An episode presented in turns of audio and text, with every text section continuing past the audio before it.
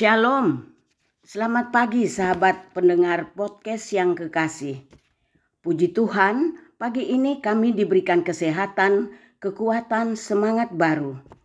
Baiklah, sebelum kami berdoa, kita menyanyi dulu kor dalam buku nyanyian Bala Keselamatan nomor 3. Buka tingkap dari surga. Curahkan rohmu padaku. Jadikanku satu berkat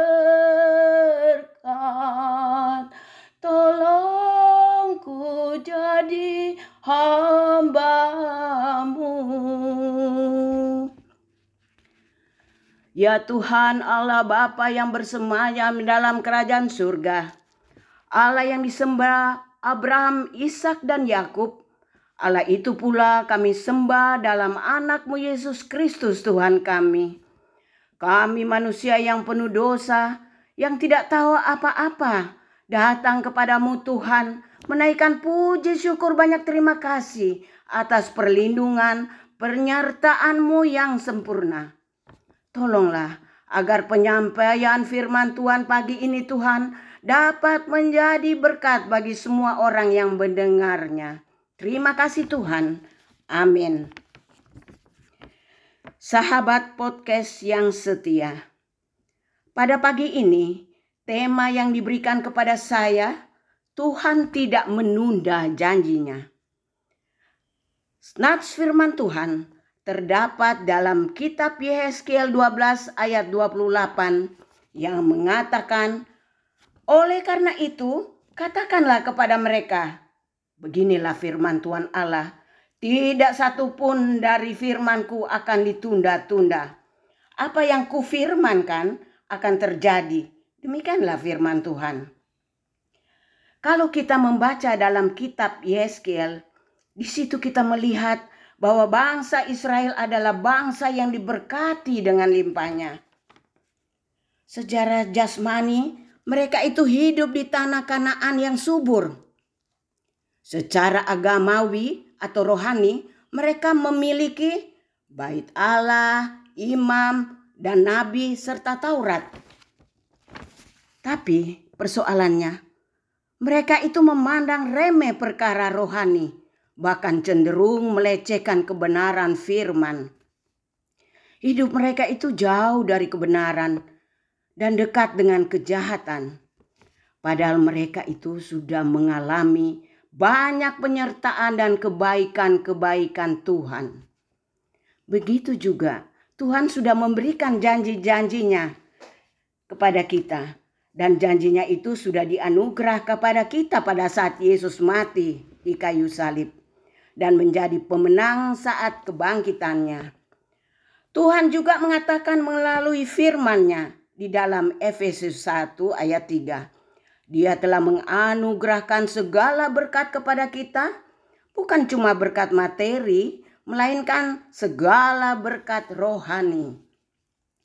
Yang jadi pertanyaan saat ini adalah, sudahkah kita menerima segala berkat jasmani dan rohani seperti yang telah Tuhan janjikan dalam firman-Nya itu?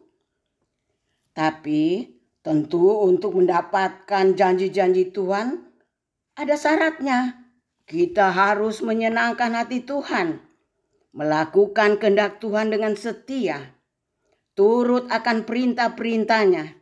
Barulah kita akan menerima janji-janji Tuhan itu. Seringkali anak-anak Tuhan karena belum mendapat janji-janji Tuhan, maka sudah menjadi malas melayani, malas ke gereja, malas berdoa, dan lain sebagainya. Bahkan ada juga yang menyalahkan Tuhan loh. Sebenarnya yang salah itu kita sendiri. Karena kita cuma menunggu dan berangan-angan. Yang seharusnya kita harus berdiri, melangkah dan mengambil janji berkat-berkat itu. Harus aktif, agresif untuk mendapatkan janji Tuhan yang telah disediakan untuk kita. Janji-janji Tuhan itu mulai dari janji berkat, janji kesembuhan, janji damai sejahtera, dan sebagainya. Oleh karena itu, kita harus mempergunakan waktu yang ada untuk selalu menyenangkan hati Tuhan, agar kami selalu dapat menikmati janji-janji berkat Tuhan itu. Tuhan memberkati kita semua. Mari kita satu dalam doa. Ya Tuhan Allah Bapa yang Maha Kasih, terima kasih kami telah mendengar firman Tuhan yang indah.